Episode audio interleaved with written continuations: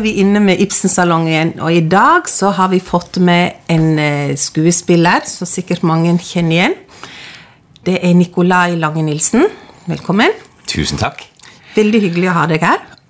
Ja, det er veldig hyggelig å komme på podkast, for jeg har ikke vært på podkast før. Nei.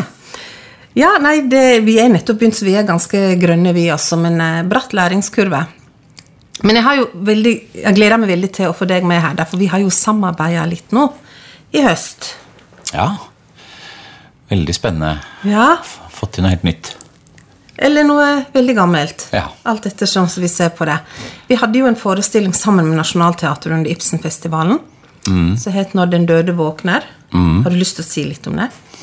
Ja, det var jo det at um, På våren i fjor så, så dukket opp den ideen, dette med den berømte vandringen til Henrik Ibsen fra leiligheten til Grang, som liksom har vært en slags sånn institusjon. Men, og den har nok tenkt noen ganger at den kan gjenopplives, men eh, så har det aldri blitt noe av. Nei, Vi har fått mange spørsmål om det på Ibsenmuseet. Kan ikke dere få en Ibsen til å gå ifra museet og ned til Grand? Men eh, de sa nei i mange år, men så ombestemte vi oss når vi møtte deg, da. Ja, fordi det var fryktelig vanskelig å få til. Og, og jo mer jeg jobbet med det, jo på en måte flere sånne skjær dukket opp i sjøen. Sånn at, fordi hvis det skulle være noe vits i, så måtte han være så troverdig at du faktisk trodde at det var han som gikk der. Ja. Og da måtte på en måte maske, kostyme, utseende, kroppsfasong Alt måtte være sånn at du liksom fikk en liten sånn skjelving. Litt ble litt uttrykk på om det faktisk var han. Og da, var ikke, da ville ikke det heller være nok. Du måtte faktisk ha, Jeg måtte også være in character, som vi sier. Jeg måtte være han. Altså hvordan han var. Sur, tverr, innadvendt. Ville ikke snakke med folk, skrev opp et stykke inn i hodet. Ville helst ikke forstyrres, eh, og sånn. Og det er jo ikke noen sånn, det er jo ikke akkurat en turistguide. Så han kunne ikke Han kunne jo ikke Han var jo på en måte turistguiden fra helvete. Han ville jo ikke ha noe med de som kom til å følge etter han å gjøre. Og så var det en ting til, og det var at på den tiden når han gikk, så var han jo en superkjendis, og folk liksom delte seg foran ham som Moses og havet, og det var liksom Paparazzi tok bilde av ham, og han var en kjempestatus, høystatus skikkelse i bybildet. Han var verdensberømt. Han var verdensberømt, ikke sant? Sånn at, sånn at folk ventet og så på ham og, og delte seg når han kom og sånn. Og hvordan skulle jeg få til det? For jeg måtte få til den effekten uten å ha et publikum som da hadde det forholdet til ham som samtidens publikum hadde. Og så har vi da en, en regel i teatret som heter eh, 'Kongen spilles av hoffet'. Sånn at hvis du spiller konge og kommer inn i en slottssal i en film, og alle bare fortsetter å prate og klø seg i rumpa, og sånt, så er det ikke noen konge. Du kan spille så mye konge du vil, men det er ingen konge i det rommet. For det er ingen som bryr seg om at han har kommet. ikke sant? Og det liksom ligger det der kongen spilles av hoffet. Så hvis, men hvis de liksom gjør sånne kniks og bøyer sine små slør og spisser middelalderhatter når han kommer, og all samtale i rommet stilner og sånn, da er det en konge i rommet. ikke sant? Sånn at det er publikum som måtte spille statusen til Henrik Ibsen, på en måte. Det er jo litt vanskeligere når folk går, drar til byen for å kjøpe seg en is Ja. eller en caffè latte, og så plutselig så skal de være medskuespillere Ja, på en måte, ikke sant? Så skal de være litt medskuespillere. Så kunne jeg, kunne jeg få til det på en eller annen måte. Og så kunne han ikke ta seg av publikum, så jeg tenkte jeg jeg må ha med en jeg må ha med noen som tar seg av publikum på en eller annen måte. Men hvis det blir en guide, så blir han en museumsfigur som har kledd seg ut. Altså, Du, du ødelegger litt av illusjonen. Det må være Du må få en følelse av at han faktisk går der som, et, som sin egen tid. holde på at det er en liten illusjon fra fortiden. Og da Og det skjønte jeg ikke hvordan jeg skulle gjøre før du sa at han en gang var blitt forfulgt av hun der tjenestejenta fordi Susanne trodde han hadde fått slag. Eller han hadde fått slag. Han var veldig syk. Han var veldig syk, ikke Så ville han ut og gå på tur, og Susanne ble jo bekymra, så hun ba tjenestepiken følge etter han og se at det gikk bra med. Ikke sant? Og, og det hatet jo han. For han var jo selvstendig og ville ikke Og dessuten så var han jo på vei bort fra Susanna, og han syntes vel kanskje det også var litt fint å ha den tiden for seg selv. Ikke jobbe og ikke være hjemme og Han skulle i hvert fall ikke bli forfulgt av en Nei, ikke forfulgt, ikke sant? Og da dette, måtte jo, dette er jo en form for gateteater, så jeg trengte en sånn situasjon. En eller annen dramatisk situasjon ikke sant? for at det skulle bli morsomt å, å følge med på. Og da fikk jeg jo den.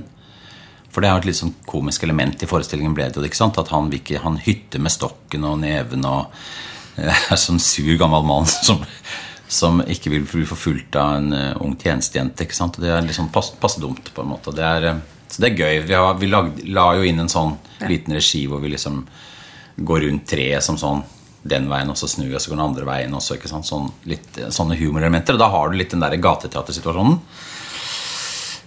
Så da hadde jeg løst den, men så er han jo en sfinks. Så han kommer ikke til å si et kløyva ord så lenge han går nedover der. Og hvordan skal de da få noe forhold til ham? Var den neste nøtten, ikke sant? Og det blir kjedelig å bare følge etter han hvis han bare går nedover der og sur hvis du ikke aner hva som foregår inni ham. Men hvordan kunne de høre tankene hans? Det hadde vært kult. Men hvordan i all verden? Skal inn i hodet på Ibsen. i hodet på Ibsen? Går det an? Samtidig som han blir forfulgt? Så det begynte å balle på seg. Og så Men så kom jeg til å tenke på det at man kunne høre hva han tenkte, men hvordan skulle man høre hva han tenkte? Så måtte man finne en eller annen Kunne man lage en podkast? Kunne man ha en radiosending? Hvor folk prøvde å koble seg på mens han gikk. Hvis du har en radiosending, så kan du liksom starte den, og så kan den gå. Så det prøvde vi lenge. Men det gikk jo fullstendig i dass. Og det var, det var altfor vanskelig å drive og sende radiosending. Hun der stakkars uh, tjenestejenta fikk jo nok med å knote rundt på den der iPhonen sin. Det var en sånn generalprøve som ble helt katastrofal. Så Ja, det ble litt sånn eh, brudd. Du snakka om realitet, altså, men der gikk dere sant? Du så jo ut som Du var jo Ibsen. Og Beate som skuespilleren heter, Beate Gillebo, hun var jo denne tjenestepiken i en kjole fra 1800-tallet. Og smartphone. Og gikk og fikla med smartphonen sin hele tiden. Så det var Det ble så dumt. Heldigvis var det litt tid fra generalprøven til eh, premieren. Så Men så til slutt så fant jeg ut at i hvert fall så kunne man måtte øve det inn som en podkast. Men på den måten så kunne man liksom få to dimensjoner. Man kunne få det indre tankelivet hans og samtiden og hva han skrev på, hva han tenkte mens han gikk der. Og hvis man også kunne få til at han reagerte på ting han så, så du skjønte hva han tenkte. Og da måtte jeg også ha den samme podkasten på øret. Sånn at du liksom fikk striden med Nationaltheatret og universitetet. Og at Nationaltheatret måtte ligge med rumpa til universitetet fordi universitetet syntes det var så mye fyll og fanteri bortpå den der syndens pøl på den andre siden av gaten. Og så, så sånne ting. Og så, og så slo det meg jo også at hvis man fikk det til, så er det en helt fantastisk tur, for den tar jo med seg hele fødselen til nasjonen. Altså den går liksom mellom Stortinget, Slottet, Nationaltheatret, universitetet og Grang. Så det er jo, det er jo, det er jo et helt utrolig utendørsmuseum over his, nasjonens fødsel, egentlig, som han går igjennom. Absolutt. Og det å få til den dimensjonen sammen med at Ibsen var der historisk, og få et innblikk i forfatterskapet, hva han tenkte, og privatlivet og samtidens kunstnere og, altså, Gikk det an å få det inn i en sånn podkast, så ville det bli et veldig sånn spennende potensial for å, for å få en intro inn i mennesket og forfatterskapet som liksom ville trekke interesse til både til museet, men også til da Ibsenfestivalen som, som vi gikk for. For det, det å ha noe som skjer ute på gaten, det, er jo, det trekker mye mer oppmerksomhet enn enn når du må inn i et hus først. Ja, for det ble jo faktisk en del av Ibsenfestivalen, dette her. Det ble en del av Ibsenfestivalen, ja. Det var veldig gøy. Så billettbestilling og alt gikk gjennom Ibsenfestivalen. Ja. Og det kom folk. Det kom folk. Det kom, vi hadde vel en sånn 40 stykker. Vi var liksom ikke hvor mange vi kunne håndtere. Det kom vel en 40 stykker hver dag ja, som, som fulgte det. Og så Og det var, det var noen sånne morsomme situasjoner. Jeg kommer rundt svingen ved paviljongen der med en sånn hale av folk, og så står det en, da står det en guide borte ved statuen av Henrik Ibsen og kikker og peker og forklarer og sånt noe. Og så får det det som vi kaller dobbelttake. Det er sånn når du kikker på noen, og så snur du automatisk tilbake, og så kikker du tilbake en gang til og lurer på hva det egentlig var det du så der borte. Og så Og så, og så vips, så var det 20, de 20 som hadde fulgt han der guiden som sikret opp på den Ibsen-statuen, de skvatt over til den levende Ibsen med en gang og ville, ville mye heller være med han. Så guiden sto igjen alene med den statuen. Ja. Det, Men det var jo en suksess, da, kan vi si. ja, det var en suksess, altså. Det var jo på TV 2-nyhetene. Og vi skal få lagt ut noen bilder her med podden. Da skal dere få se Nikolai Lange Nilsen, altså. Han ser ja, han er Henrik Ibsen.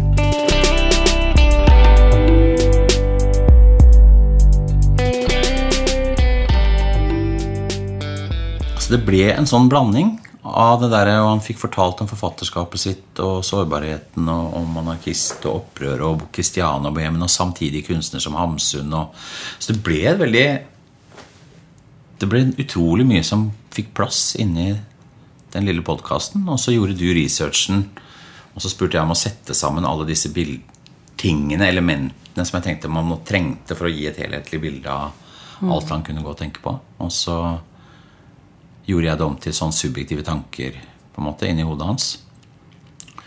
Og så Og så ble det en, det ble en sånn morsom reise for publikum sånn som de, med en blanding av det komiske med den tjenestejenta og den der introverte, litt såre. For det som er fint med podkast og voiceover, det er på en måte at du kan være litt sånn privat, intim, litt sårbar fordi du er i tankene. Ja.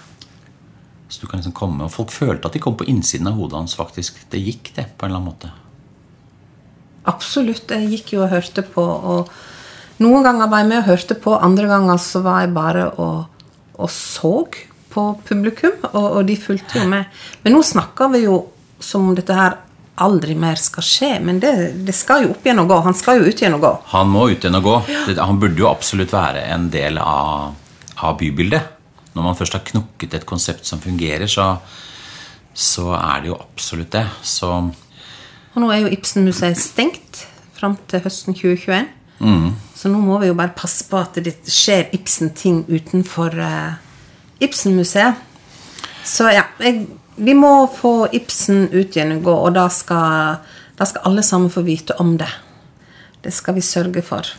Ja. At uh, Ja. Fjern. Jeg håper han kan bli en del av, permanent del av bybildet på ja. sikt.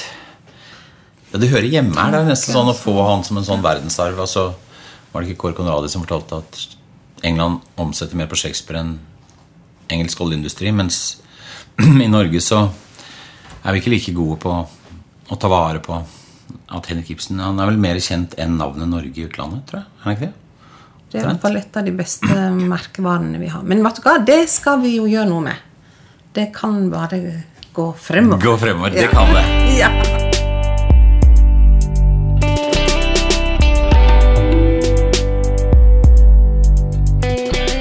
Når vi snakker om dette her, da har, har Ibsen noe relevans i dag, da? Ja, det har han jo så lenge mennesker er mennesker, tenker jeg. Altså det jeg tror det, jeg spurte en sånn eh, muslimsk taxisjåfør når jeg kjørte oppover som Henrik Ibsen, for han kjente meg igjen. da. Oh, ja. Uh, når jeg liksom kom fra Ja, jeg kom i full mundur. Jeg skulle, før jeg begynner å gå, ja, så kom jeg fra sminkestuen på Nasjonal, og da må jeg jo ta en taxi. Litt sånn inkognito. Ja, Du gikk ikke fra Nationaltheatret Optimus til Leiten? Nei, det, det, ville være litt sånn illusjonsbrudd. Da måtte jeg i hvert fall hatt hest og kjerre, men det er ikke så mye hestetaxier å få. Nei. Men du tok drosje og Drosjesjåføren kjente deg igjen? Ja, han kjente meg igjen. Og ja. så, så, spurte jeg men hva vet du liksom om Henrik Ibsen. og sånn da? Nei, så sa han at nei, det er at han Han var en berømt forfatter som, som døde for lenge siden. Eh, og bodde der og da. på en måte. Han husket noe sånt, men utover det så visste han ikke noe. Så tenkte jeg jeg tror det kanskje er litt symptomatisk for hvordan skolen har formidlet Ibsen. Altså at det er en historisk skikkelse som er død, og som de av og til tar ned fra en sånn støvete skoeske på loftet og sier her, oppi her er det en gammel forfatter som levde for lenge siden og var veldig berømt. Men de snakker ikke noe om hvorfor han er berømt. Hvis du skjønner, De, de, de, tar ham bare som en sånn historisk Og det der, det, det, Jeg tror at det hadde vært mye mer liv i det hvis de hadde tatt frem situasjonene dilemmaene. ikke sant? Nå er det jo det er alt mulig. Nå er det jo kritikk av elitene. Han, han gikk jo løs på elitene hele veien, i, i hvert fall i den realistiske delen av forfatterskapet sitt. Og utfordret makt og, og sånn. sånn at og kjønnsroller og de dilemmaene han presser folk gjennom, og den kunnskapen han har om mennesker sammen med det politiske og det samfunnsmessige. jeg tror når du, Hvis du trekker ut temaene og konfliktene og valgene og putter de ut til f.eks. til elevene og sier 'hva ville du gjort i den situasjonen', hvem er eliten i dag? Hvem angrep han da? Altså, eller den, sånn som jeg var veldig glad for å finne For jeg ville jo ha den aktualiteten inn i den vandringen også. Og da fikk jeg også en sånn eh, Da datt den andre stenen på plass etter tjenestejenta. Det var at eh, det var den byggeboomen, den jappebølgen han opplevde mens han satt og skrev på Borkmann.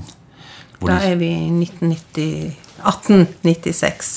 Ja, ikke sant? Hvor han, 95, hvor han, hvor han opplevde at de drev og var ville spekulasjoner i boligmarkedet, og de bygde hals over hodet, og det var kortsiktig profitt, og det var uansvarlige bankfolk, og folk drev og solgte og kjøpte sånne boligobligasjoner på Grang mens han satt der. Så det var jo sånn Klondyke-jappetid, og det tenkte jeg Da fikk jeg den koblingen til dagens byutvikling. Som på en måte gjorde at noen kanskje kunne våkne litt når de hørte på det. Mm. Og fikk en sånn aktualitetslink på han. Så jeg tror det er måten man håndterer ham på.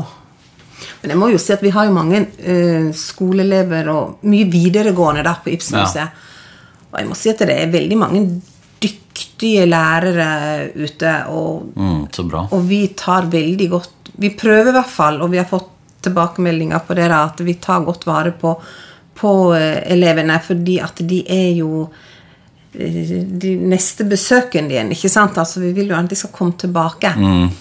Og jeg har hatt noen sånne der vi har hatt en omvisning, og så har jeg kanskje jobba en lørdag, og så kommer det en elev der som jeg kjenner igjen. Og jøss, jeg kjenner jo deg, og ja, han var her den uka, og så må han, skulle han være hos pappa i helga, og så hadde han tenkt at pappa kanskje burde se Ibsen-museet. Han er litt flau da, ikke sant? Ja. Han har blitt ferska der med, mm. med, litt interesse. Det, det er jo rørende. Da kan en jo begynne å gråte, nesten. Ja, det er ja, men fantastisk. De er jo veldig, ja, og, og de, de, går inn i dette her at mange gode samtaler om livsløgner. Ja, ikke sant? sant? Det, hva er det for noe? Um, Oslo er jo en flerkulturell by. Da er jo et dukkehjem veldig spennende. Ja. Blant annet. Uh, gjengangere. Nei, så um, Jeg har tru. Jeg har trua på uh, disse her elevene. Det er, det er jo helt utømmelig. Ja. Skattkiste, egentlig, hvis de bare blir kjent med det på ja. Gjennom eh, skolen på en kul måte, så tror jeg man blir veldig dratt inn i det. For det er jo, det er jo ikke noe som har endret seg så veldig i forhold til det å være menneske og makt og, og de, de, situasjonene og de valg. Så det er, det er et helt fantastisk eh, forfatterskap. Når jeg tenker på alle Vi snakker om de sterke kvinnene da, til Ibsen. Mm. Men de mennene til Ibsen Nå er jo du skuespiller. Mm. Um, og det er jo mange av disse her kvinnerollene. Sånn, Hedda Gabler Det er mange skuespillere som sier at det, det, er en av de store rollene ikke sant, å være, spille Hedda mm. Gabler. Men er det en sånn mannsrolle hos Ibsen så du tenker at åh, oh, den skulle jeg ha spilt? For veldig mange av de er jo litt sånn De blir litt sånn tuflete. Eller litt sånn mm ja. Altså, for jeg tenker på sånn et dukkehjem da, med Nora. Og hun går, og hun er sterk. Sant? Og hun mm. går ut i friheten og skal det, det, er disse tre ordene jeg syns er så viktig med Ibsen. da, Det er frihet, ansvar og valg. Mm. For å ha frihet så kan du ta dine valg, og så må du ta ansvar for disse valgene. Og Nora hun forsvinner ut og er stor og sterk.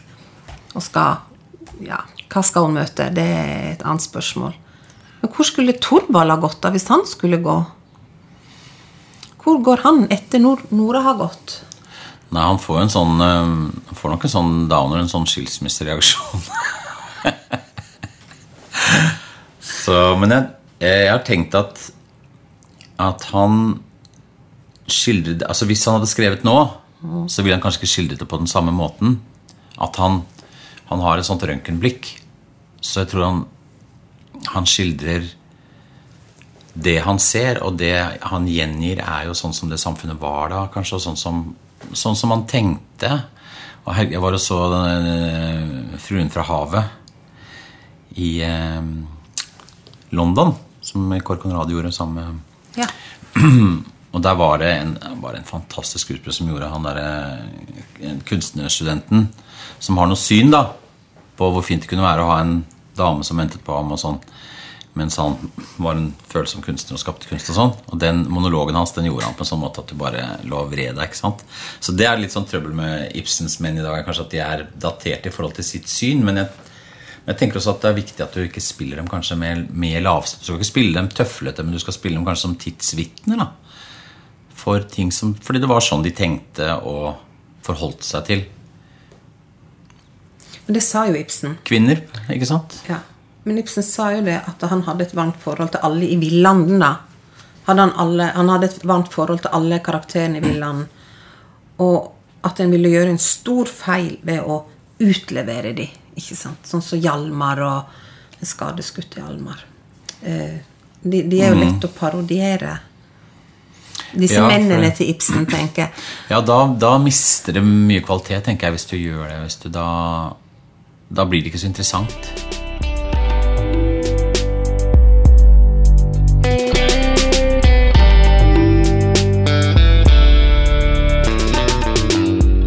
Jeg skal ikke bli så veldig eh, personlig her, men jeg har en sønn eh, som går på videregående. Og han skulle ha en sånn stor oppgave på skolen, da, og da lurte han på hva han skulle lese. Og jeg klarte jo å dytte på han selvfølgelig Ibsen, og sa at her må du i hvert fall lese et dukkehjem. Og så ble jeg så glad for han ringte til meg på jobb og så sa han, men mamma, jeg syns så synd i Thorvald. Og det syns jeg var så fint.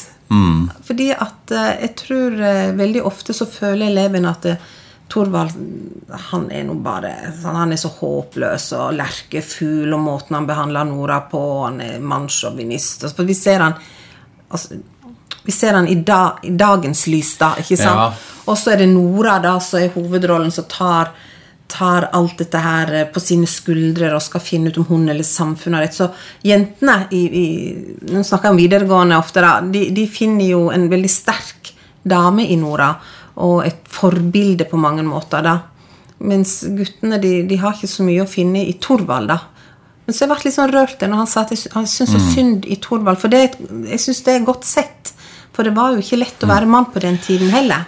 Nei, jeg tror det han er sånn eh, Middelalderen hadde en sånn skikkelse som het Gjedemann. Middelalderteatret. Og Må fortelle litt om han, for det er ikke alle som vet Nei. det. vet du. En vær, En spill om en vær var det Ja. mange spill som het. Ja. Og det var eh, hvermannsen. Det var liksom mannen i gata, eller det var den vanlige mannen, da. Og livet til den vanlige mann. Og, og sånn som Thorvald tror jeg er akkurat det. Han er en vanlig mann som ikke klarer å nå opp til de idealene som samtiden har. Han strever, men han er ikke god nok. Han klarer ikke å Han har ikke nok selvtillit. Han har vel noe dominerende mor også, tror jeg.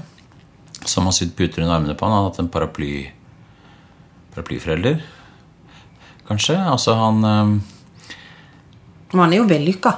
Han er vellykket. Han, Han er jo tror- banksjef. Ja, han er banksjef, men han lever opp til noen idealer som Altså, han strever jo med med denne med å leve opp til normene i samfunnet rundt seg for å være vellykket. Altså, han har noen kriterier for hva som er viktig, og sånn som, som stresser ham i forhold til, til jobben sin. Jeg tror, jeg, jeg, man opplever at det er noe Selv om man er banksjef, så er det noe slags sånn Det er noe middelmådig ved ham, ikke sant? Det er noe noe gjennomsnittlig. Gjennomsnittsmenneske. Ja, på en måte. Så, så jeg syns det var litt fint det som sønnen din sa der, altså. At du kan godt Han kan være litt offer for den tiden han lever i, han òg.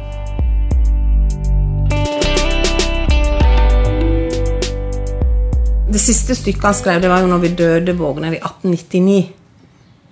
Og det er jo vært mange eh, dramatikere i mellomtiden. Fram til i dag. Så hvorfor skal vi eh, fortsette å spille Ibsen når eh, han skriver om en tid så langt fra oss? Jeg tror fordi, nei, Det er fordi de menneskelige dilemmaene han trekker opp, og de situasjonene de menneskene er i, og de valgene de foretar, eh, vil alltid være situasjoner som mennesker opplever om og om, om igjen i livet. Så jeg,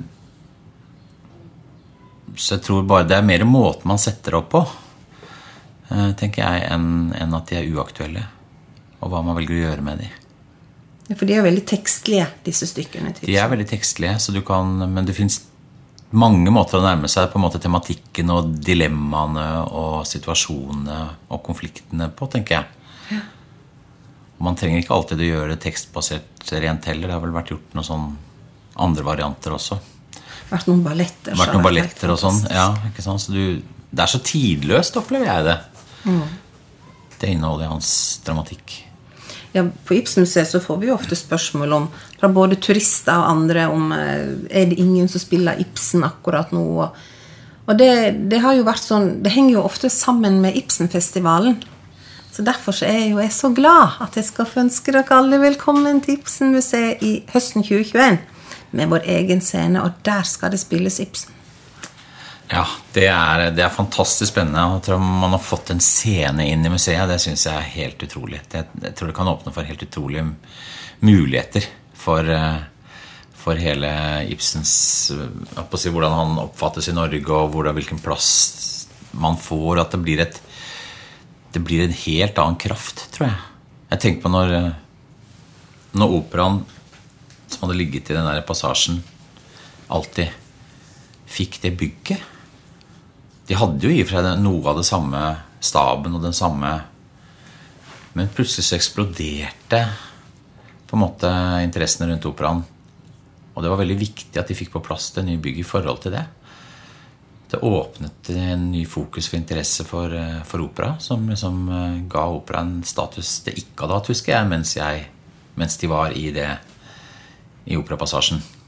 Da var det det ble litt sånn prestisje å gå på operaen etter at det bygget kom. Mens før så var det litt sånn for spesielt interesserte. Det, altså Jeg tror at det blir et kjempespark til, eh, ja. til Ibsen-interessen. Ja, og bare det med formidlingen, da, med å ta mm. det med opp i leiligheten og kunne snakke om stykken og Ibsens liv og virke mm. og nye utstillinger, og, og, så ta de ned, og, og de kan jo, elevene og alle kan jo til og med få spille litt av sjøl. Nei, dette her gleder jeg meg veldig til. Altså. Nei, det blir utrolig spennende å se det ferdig. Altså. Herregud, ja. jeg gleder meg. altså.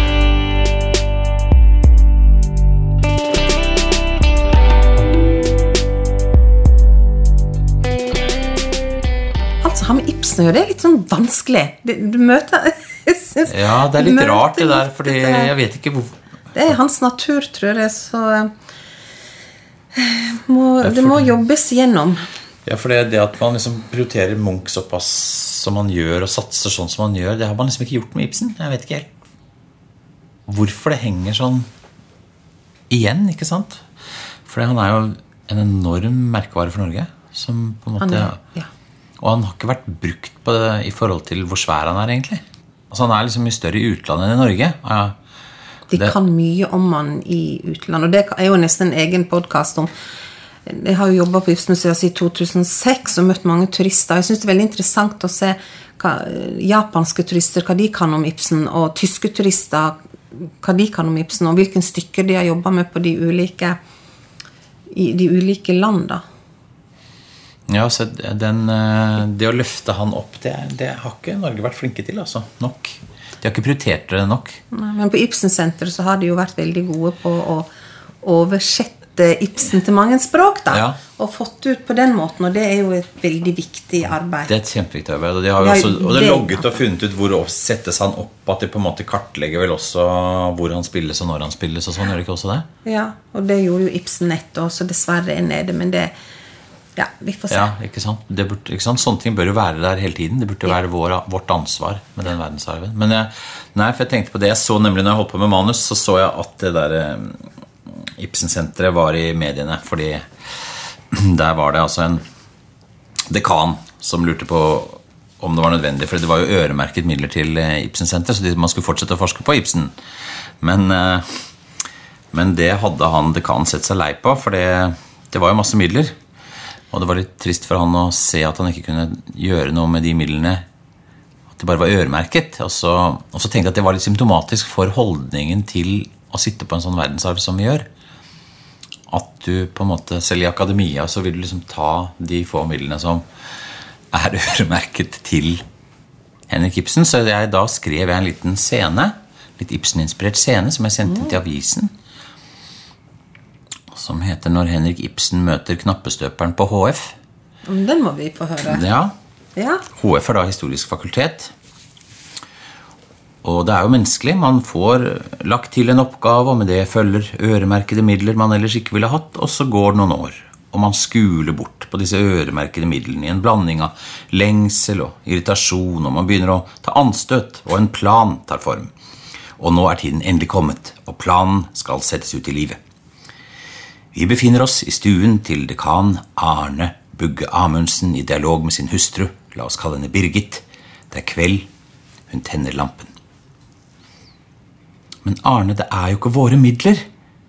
Våre midler? Nei, nettopp. Hadde jeg bare fått tak i de midlene, kunne jeg fremme prosjektene vi liker, og min egen karriere. Men tror du ikke at folk kan bli opprørt? Kjære, vi skal bare diskutere innretningen. Det er kun det prinsipielle, forstår du. Vi kunne fått til det underligste. Men det står jo 'anvendes til verdensarven'.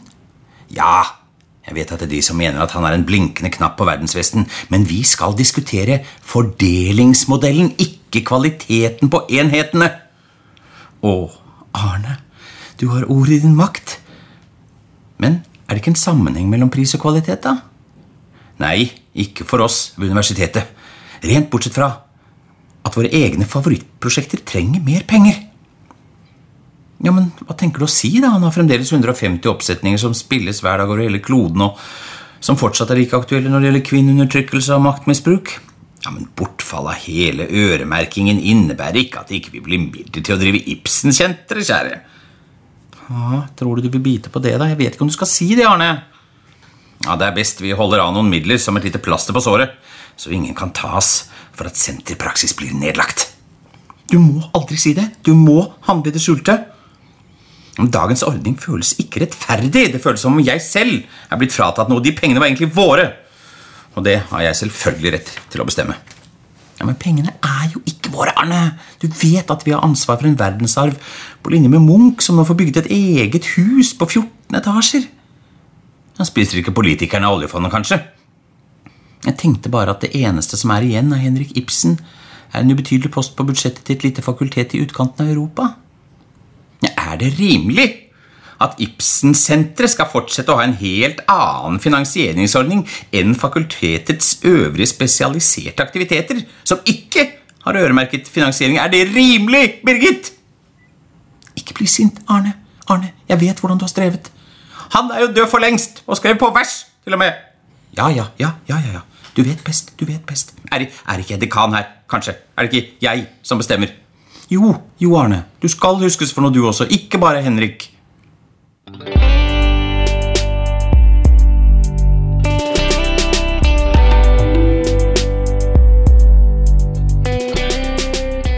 Men det gikk jo bra, det må vi jo si. Det gikk jo bra med Ibsen-senteret. Det gjorde det.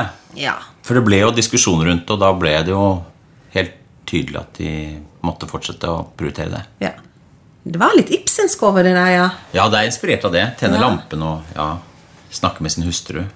Men det var jo kjempefint at vi fikk eh, Ja. urfremføre Det ur- det her. urpremiere, ja.